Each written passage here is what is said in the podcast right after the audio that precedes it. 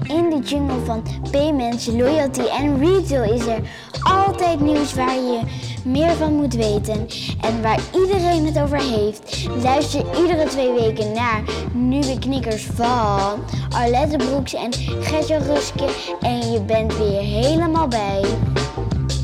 Hallo, welkom allemaal bij aflevering 23. Klopt dat? Ja, ja inderdaad, inderdaad. En we zitten weer op een speciale locatie. Ja, ik ben Gert-Jan Ruske en inderdaad uh, tegenover mij zit Alette Broeks, een vriendin ja. en collega.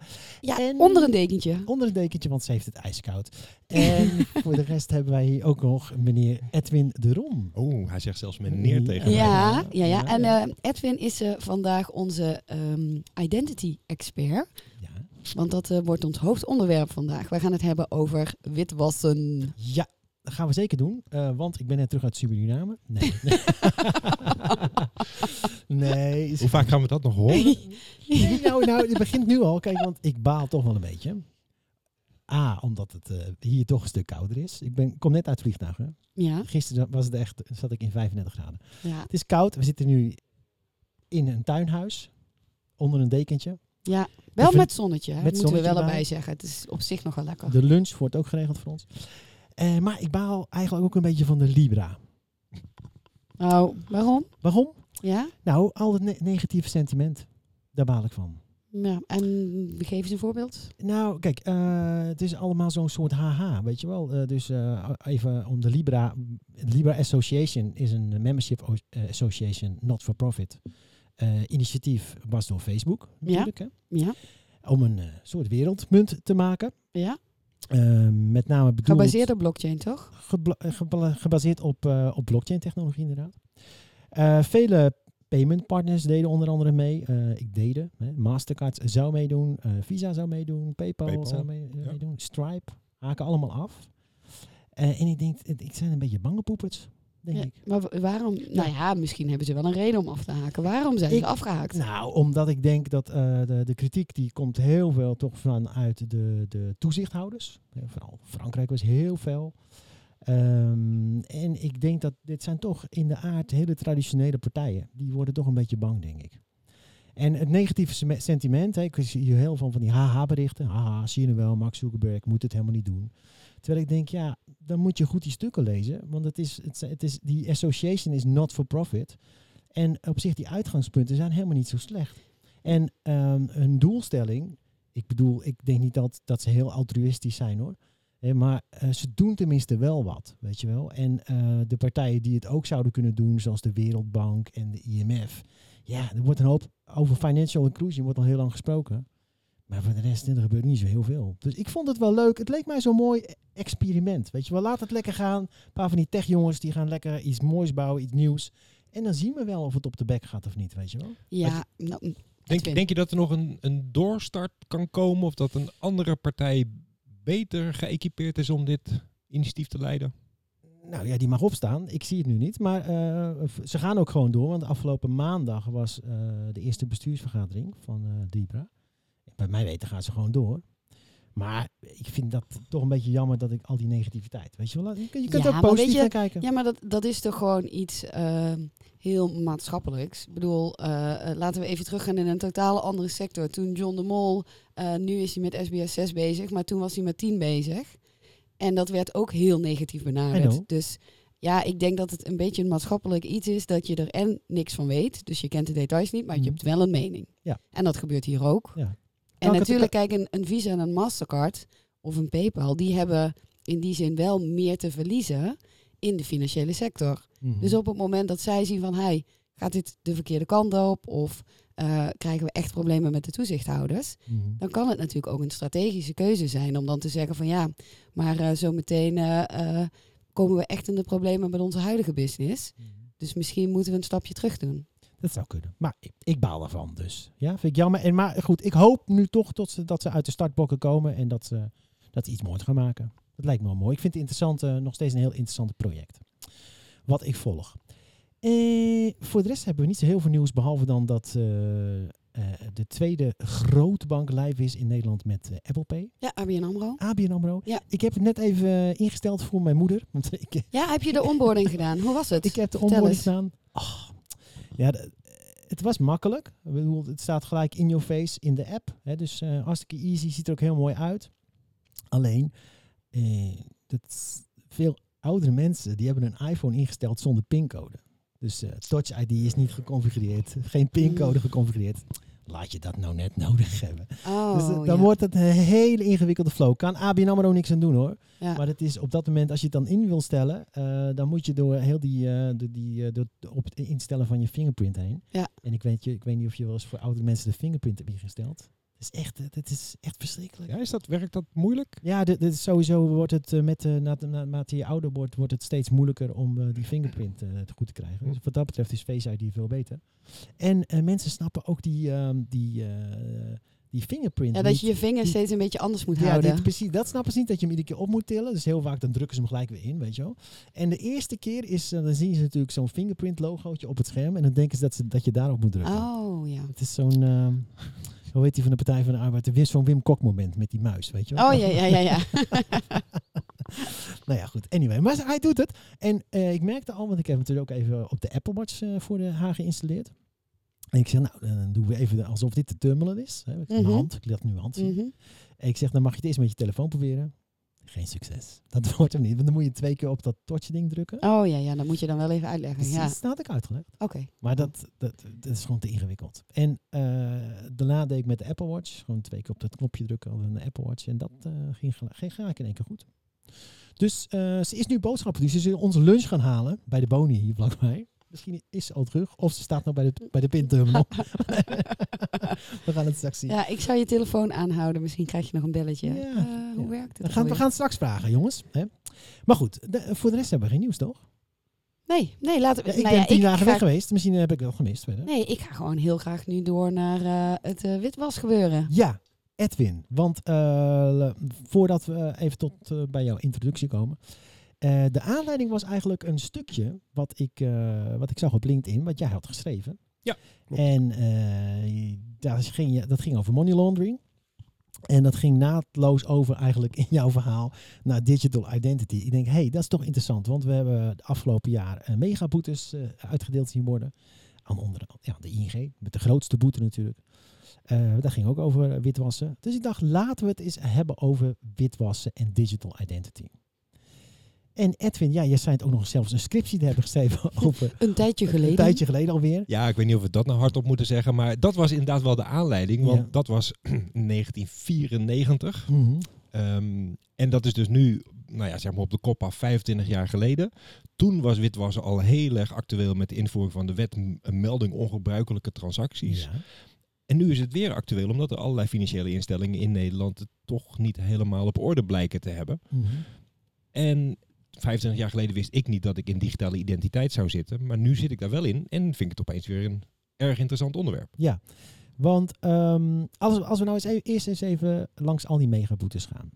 Ja? Ehm, ik ben, de die spant de kroon, 775 miljoen. Ehm, met name als je je daar een beetje in verdiept, gaat het daar over transacties die gedaan zijn, die onvoldoende gemonitord zijn door de ING-bank. hè, Zo begrijp ik. Ja, klopt. Ja. Hè, dus, en ik vond eigenlijk, eh, ik heb zelf ooit, eh, toen ik bij de Rabobank zat, moest ik ook zo'n eh, zo'n mod, toe, hoe dat allemaal werkte en zo. En al die, al die regels. Ja, die ja moest toen was het nog de melding onterecht in kassa, zo heette de. Nee, een melding onterechte... Nee, ongebruikelijk. ongebruikelijk. Ongebruikelijk. Oh ja, Ongebruikelijk. Ja. En die is opgegaan, de, die melding, of die MOT, is opgegaan in de WWFT, toch? W- Ja. WWTF, toch? Weet ik, ik, ik verge- Ja, Ja, Jij hebt je onderzoek gedaan. nee, dus, maar eh, luister even. Die, dat moet iedereen weten. Ja, ik, je hebt de WFT, dat is de Wet Financieel Toezicht. En dan heb je de Wet ter voorkoming van eh, financiering van eh, ja, eh, terrorisme en witwassen. Precies. Ja. Eh, en daar is die MOT in opgegaan.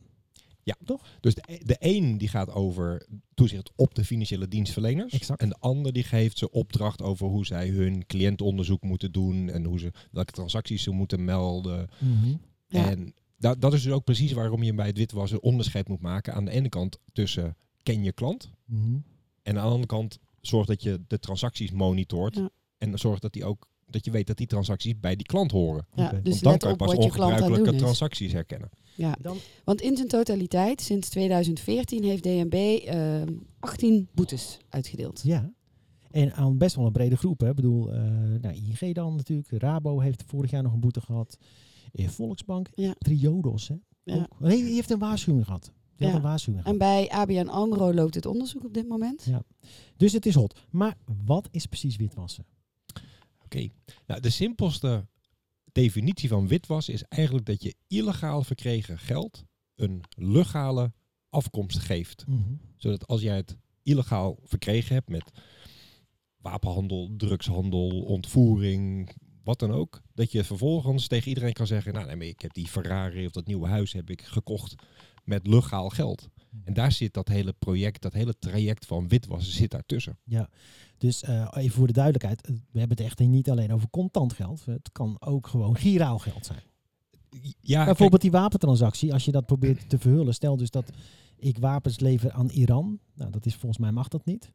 Maar als ik dat via allerlei constructies via het buitenland zou doen... en alsnog het geld naar Nederland zou halen... dan dat is feitelijk toch ook witwassen? Of, of zie ik de- Z- Zeker, het, het is vooral tegenwoordig alle vormen van geld, niet alleen meer contant. Ik denk dat het vroeger heel veel contant was, maar ja, toen was überhaupt alles contant. Toen ging jouw moeder naar de Boni met contant geld en Ja. nu gaat ze met de Apple Pay naar de, naar de Boni. Ehm, dus dat is heel erg veranderd. Ik denk dat het ook goed is voor het eh, anti-witwasbeleid dat we steeds meer giraal doen. Want dan kunnen we het ook veel beter controleren. Ja. Maar het gaat inderdaad om alle vormen van geld. En het is ook veel internationaler natuurlijk geworden. Maar dat, dat, dat is een interessant punt. Want jij zegt, eh, het, als het meer giraal gebeurt, kunnen we het beter controleren. Ik vond het met die MOT altijd heel overzichtelijk. Er waren gewoon van die, zo'n lijstje, zo'n soort checklist. Van is dat een, bepaald, bijvoorbeeld een bepaalde cashstorting, was het gema- gemaximaliseerd. Ehm, en volgens mij zijn die dingen er nog steeds. Die zijn er, die zijn er nog steeds. Ehm. Dus zo moeilijk is dat niet. Alleen, je moet je ook realiseren, dat is ook openbaar. Hè, dus als je afspreekt, jongens, de, de grens ligt bij 10.000 euro, noem maar even een dwarsstraat. Ja, een beetje crimineel die wil witwassen, houdt die grens dan natuurlijk in de gaten om Ja. daar in ieder geval niet eh, op eh, gepakt te worden. Ja. Ehm, dus het is een beetje als eh, snelheidscamera's langs de snelweg. Daar gaat iedereen opeens langzamer rijden. Je hebt je doel bereikt. Ze rijden niet meer langzaam, maar een stukje verderop waar die camera's niet staan, dan gaan ze gewoon weer hard rijden. Gaat Dus gas in. ja, 10.000 euro, twee keer 5.000 is ook 10.000. Inderdaad. En dan blijf je onder de radar. Ja, nou, en daar zijn we natuurlijk met z'n allen wel intelligenter in geworden. En dat is precies waar het nu om gaat. Heb je die transactiemonitoring dusdanig op orde dat je patronen van eh, ongebruikelijke transacties gaat herkennen. En dat je niet meewerkt aan ehm, ja, versluiering door Mhm. allerlei kleine transacties of het gebruik van geldezels en stroommannen. Precies. En ehm, als je nou naar de ABN AMRO kijkt, dan is de ABN AMRO, die is op dit moment bezig met een paar duizend man. Nee, nee, ik weet niet hoeveel, met hoeveel. wel. Ja, ja, ja. maar ze nou, moet, maar ik, ik, moet, we moeten een waarschuwing uitdelen trouwens aan iedereen die bij de ABN AMRO bankiert. Namens de CEO eh, Kees Dijkhuizen. Want je kan worden gebeld. Poppen de pop. Ja. Iedere klant kan gebeld worden. Nou, ja, nou ja. ik, ik dacht en- eigenlijk dat is best wel aardig toch? Mooi een keer weer gebeld door je, door je bank. ja, behalve dan als ze zeggen, je moet langskomen op kantoor. Want we willen je Ja. graag eventjes eh, in de ogen kunnen kijken. Ja, want dat zijn best, dat kan best wel heel bijzonder zijn. Eigenlijk, of tenminste, je dat door hele legale dingen die je aan het doen bent. Ik bedoel, ik zag een, eh, wat voorbeelden voorbij komen en het staat in een heel leuk stukje in de Telegraaf.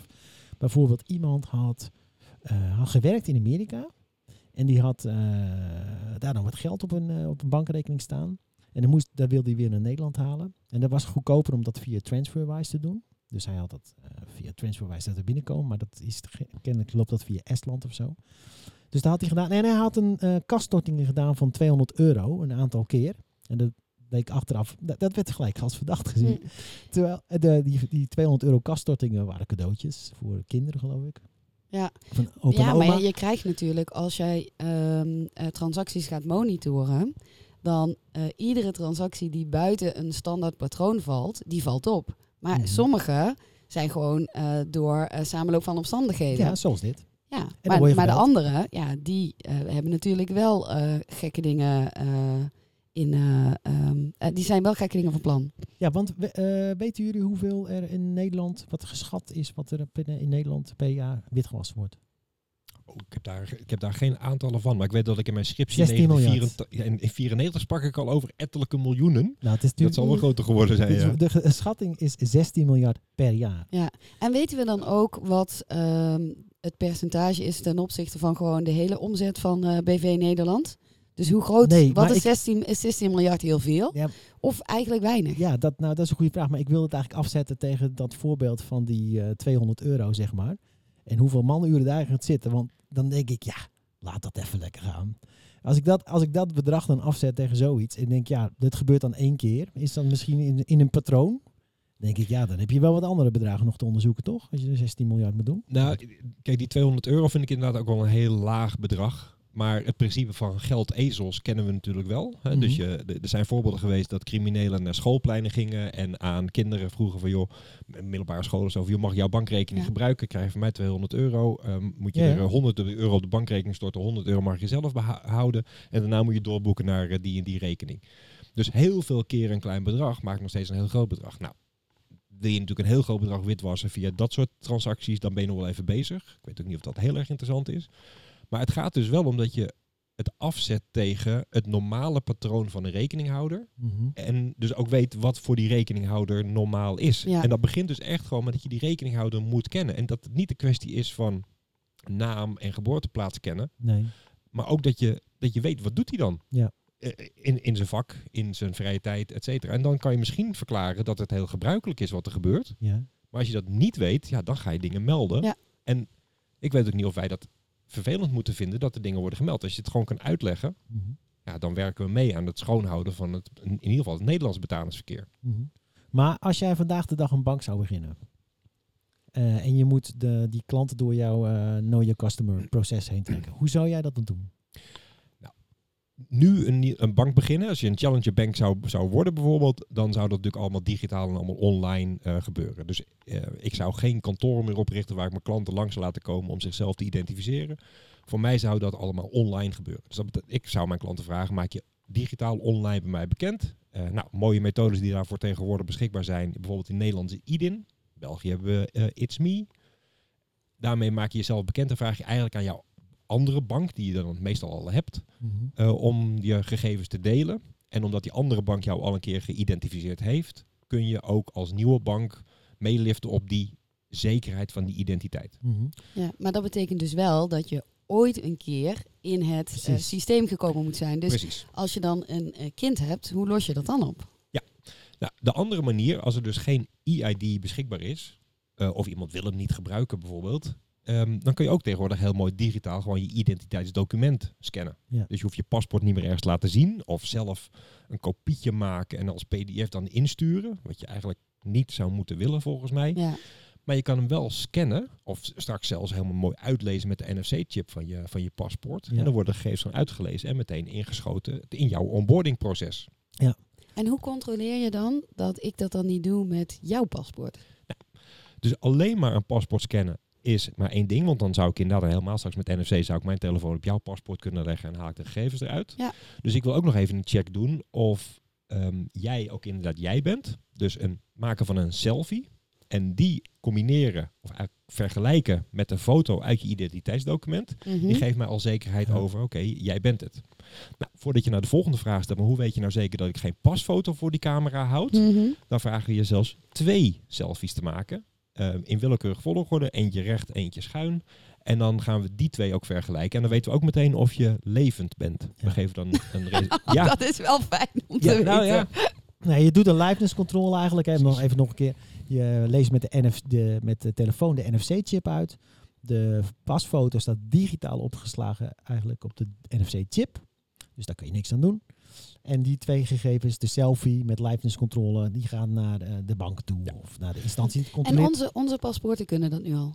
ja, onze paspoort kunnen dat nu al. En sterker nog, we doen het nu allemaal al eh, via OCR. Ja. En Maaike, er is En wat ook, is eh, OCR? OCR, dus het uitlezen van de machine readable zone op, de, op het paspoort. Op dat zijn die letters die voor een computer heel goed leesbaar zijn. Mhm. Eh, en het scannen van de foto gewoon door de camera. Maar die kwaliteit, door de lichtinval en alles, die kwaliteit van die foto die je dan maakt, die is niet zo heel erg goed. Terwijl als je hem uit NFC afleest, ja, die, die foto is perfect. Ja. Dat is zeg maar het origineel. Ja. Dus dan krijg je een beter matchingsresultaat. de, de, En kan dat ook al met iPhones dan? Sinds iOS 13. Oh, oké, dus nog wel vrij recent. Ja, maar Ja. De, I- I- ING doet overigens dit proces ook al. Dus als je nieuwe klant bij ING bent, dan kan je met de Android-telefoon kan je dat nu al doen. Ja, En, maar ik hoorde maar ik denk wel alleen maar voor privéklant. Ik denk niet voor zakelijk. Zou wel een grote verbetering dat- zijn, want dat zakelijke proces bij ING is nogal een uitdaging. Weet ik uit ervaring. ja, daar kunnen ze nog wel een eh initi- initiative lead voor gebruiken.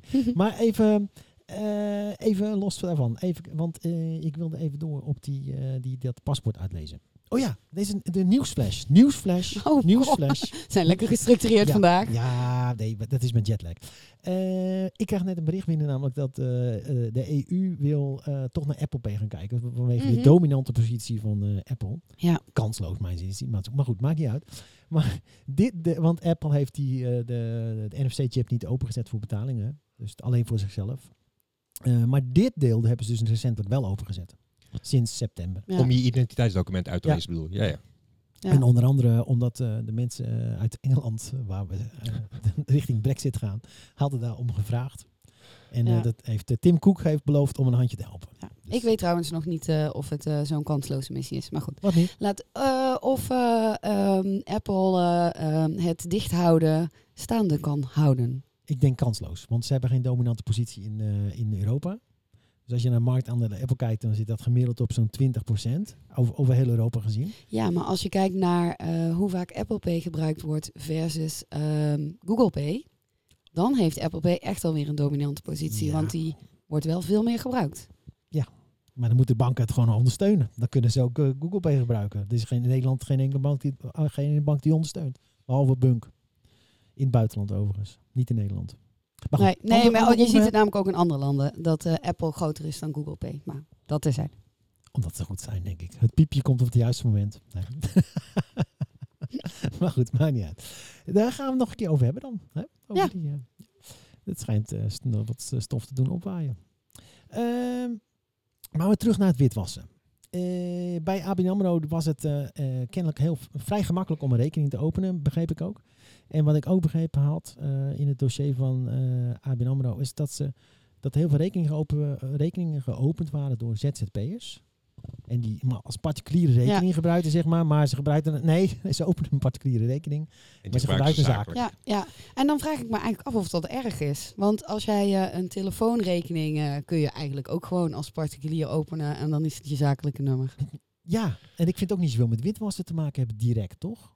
Nou, het heeft meer ermee Oh. te maken dat de klantdossiers niet op orde zijn. Ja, dat is waar. Nou ja, en Dus- natuurlijk als jij zakelijke activiteit gaat ontplooien, maar de bank heeft jou niet als zakelijke klant geïdentificeerd en dus niet weet wat die activiteiten zijn, hoe willen zij dan controleren of de transacties over die bankrekening passen bij je zakelijke activiteiten? Ja. Kijk, het, het betalingskeer van een bedrijf, hoe groot of klein ook, is anders dan dat van een particulier. Mhm. Meestal is het frequenter. Ja. Omdat je als het goed is, goed doe je goede zaken. Ja. En dan, als je als bank verplichting hebt om jouw klanten te monitoren en hun transactie te monitoren, je klanten te kennen, Ja. dan snap ik wel dat de bank wil dat jij een zakelijke rekening opent. Dat je dan ook, nou ja, vertelt wat je dan voor bedrijf bent.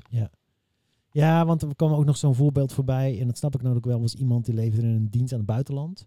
Maar die werd iedere keer... eh, en die stuurde natuurlijk ook een factuur. Mhm. En die werd iedere keer betaald vanuit een andere entiteit. entiteit. Maar die man die had het helemaal niet in de gaten. Dus dat geld kwam gewoon keurig netjes binnen. En ik denk, ja, nou, deze is betaald. Totdat er een keer iemand op de deur klopt en zegt... maar waarom is dat vanuit een andere entiteit? En dat is natuurlijk typisch. Zo'n transactie had dan misschien opgevallen... als, als dat over een zakelijke rekening gebeurt. En weet je, ik vind eigenlijk het hebben van een bankrekening vind ik eigenlijk bijna een soort van lid worden van een netwerk. Ja. Want als je een bankrekening hebt en je Mhm. zit in het Nederlands betalingsverkeer, heb je toegang daarmee tot het Nederlands betalingsverkeer, maar ook tot het internationale betalingsverkeer. Dus je bent lid geworden van een internationaal netwerk voor betalingsverkeer. Ja. En van ieder netwerk of iedere vereniging waarvan je lid wordt, mag toch duidelijk zijn wie wie je bent, wat je intenties zijn. Dus die poortwachtersfunctie, die moet een bank wel goed vervullen. Maar En ik, Vind je dat? Wa- waarom? waarom eh, want als er iets misgaat nu met die transacties, hè, dan moet die bank dat melden. Die, en die meldt dat eh, vroeger bij een andere desk, maar nu heet dat geloof ik, eh, hoe heet het nou? IFT, Intelligence, wat is het? Intelligence Financial Transactions of zo? In de, het is van justitie in ieder geval. Ja, zij moeten al die ongebruikelijke De- het transacties... heet FIU, heet het. Financial Intelligence Unit. Unit. Daar wordt het gemeld. Maar waarom eh, die, hebben die banken die politiefunctie? Ik bedoel, ik snap wel dat het opgeschreven staat in, die, in de wet. Dat ze dat moeten doen. Maar ik zou veel fijner vinden als die banken lekker bezig zijn met die klanten. En dat bij, bij, bij zo'n spreken de banken gaan samenwerken. Desnoods eh, samen met, eh, met de justitie. Van jongens, hier heb je mijn hele bak met transacties. Dit zijn mijn klanten. Gaan jullie lekker politieagentje spelen? Ja, ik denk ook niet dat die banken echt heel erg ehm, staan te springen om die politiefunctie te vervullen. Maar ja, zij zijn nu eenmaal de, ehm, het loket waar je je bankrekening opent, waarmee je de toegang tot eh, het financiële systeem Ja. krijgt. Ja, ik denk ook dat je ook Ja. eh, hier onderscheid kan maken tussen twee dingen. Want dat een bank de KYC moet regelen, dus know your customer, Dat vind ik ook. dat is natuurlijk logisch. Ja, vind ik ook. Ehm, eh, maar of de bank dan daarna ook al die transacties zou moeten monitoren Ja, en dan dit- iedere bank dat voor zich. Ja, dat vind ik een beetje... maar volgens is- mij is dat ook een onderwerp, hè? Want volgens mij heeft Wiebe Draaier een tijdje geleden gezegd van, hey, dat zouden we eigenlijk met alle banken samen willen Ja, het is een beetje zoals eh, je koopt, de, de, de, je koopt een eh, splinternieuwe Porsche bij PON. Ik heb hem niet hoor. Maar er zit een eh, boordcomputer in. Ik ben benieuwd waar En- deze heen gaat. Ja, ik ook. Ja, ik weet. Het is altijd een verrassing, hè, bij Gatjan. Dat is een hele rare vergelijking, denk ik. Maar ik ga lekker 200 rijden over de A2.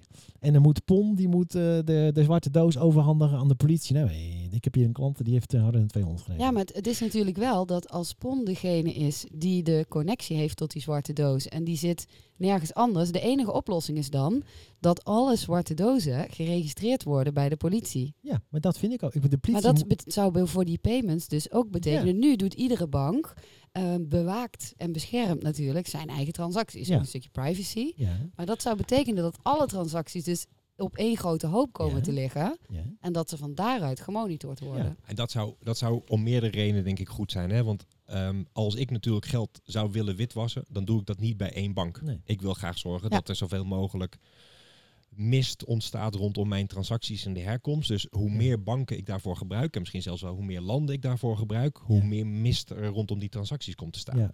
Dus als dat op een centrale plaats komt, en dan kun je zelfs nog betwisten of, dat, of Nederland dan voldoende is. Want Ja, zou je zelfs Europees kunnen doen.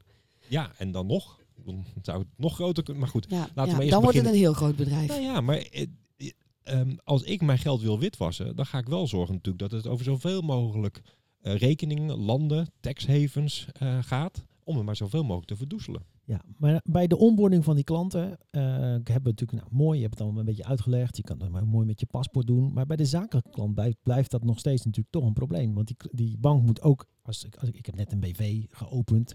En eh, dan moeten ze echt weten wat de UBO, wie de UBO's zijn. Ja, en de UBO is eh, de uiteindelijke persoon die eh, het geld krijgt. Dus de Ja. ultimate beneficiary owner. Ja. En dat is inderdaad een, een cruciale in de Ja. zakelijke know your customer. En dat, daar ben je, eh, ga- dan moet je toch afgaan op de eerlijkheid van de klant. Want eh, in Nederland bestaat er bijvoorbeeld geen aandelenregister. Nee, dus je moet nu... En nou, nee, ik, ik moet het goed zeggen. Ik als BV heb gewoon een, heb mijn eigen aandelenregister. Ik hou mijn aandelenregister bij. En ehm, eh, er is niet een openbaar aandelenregister of eh, bijvoorbeeld in beheer bij de notaris. Is er niet. Nee, maar je hebt wel iets anders. Hè? Je hebt wel natuurlijk eh, eh, platformen als Company Info. Ja. En daar kun je wel kijken naar eh, hoe een bedrijf geregistreerd staat bij de Kamer van Koophandel.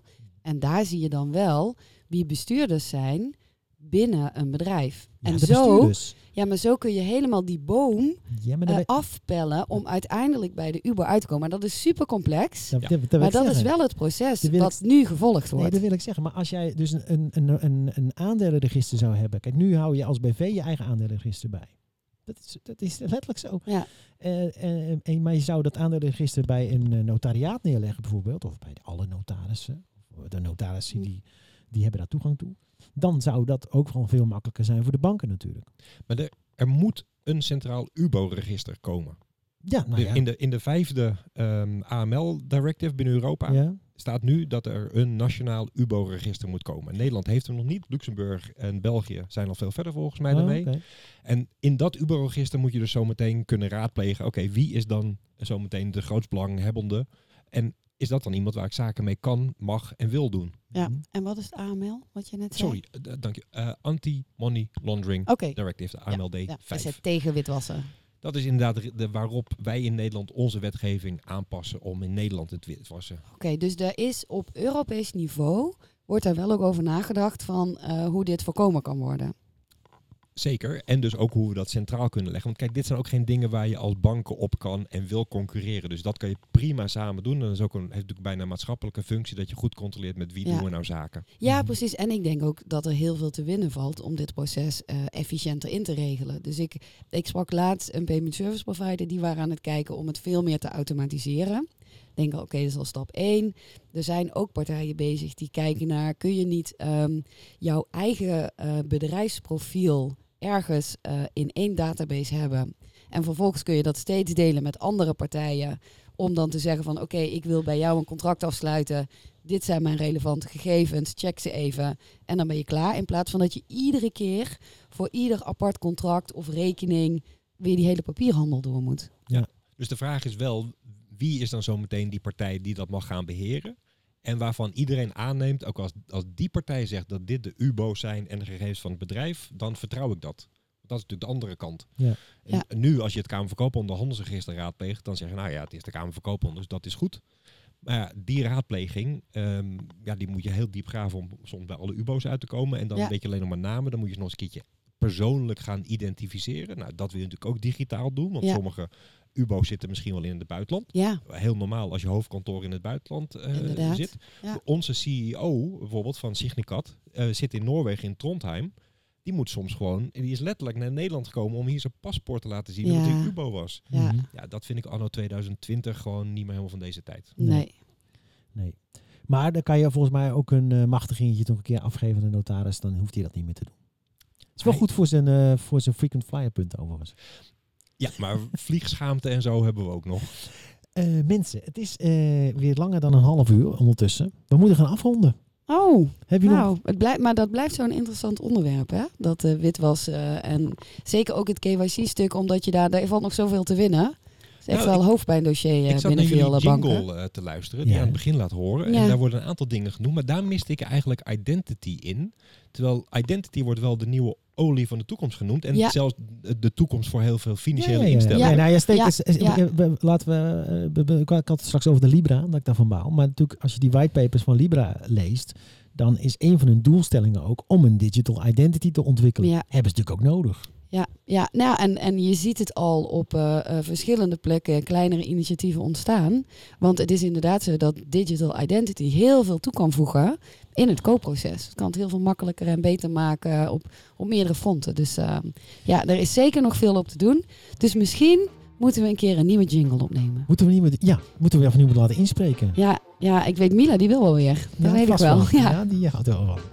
Oké mensen, Eh, Edwin, hartelijk dank voor Ja. jouw komst hier in, het, eh, in, deze koude, koude, in het koude tuinhuis. Nou, graag gedaan. Heel leuk om met jullie hier aan eh, mee te werken. Ja, super bedankt dat je jouw kennis met ons wilde delen. Ja, en bedankt voor het luisteren allemaal. En stuur lekker tips naar ons. Eh, en we zien elkaar, of we horen elkaar heel snel in aflevering 24. Ja, zeker. Doei. Doei.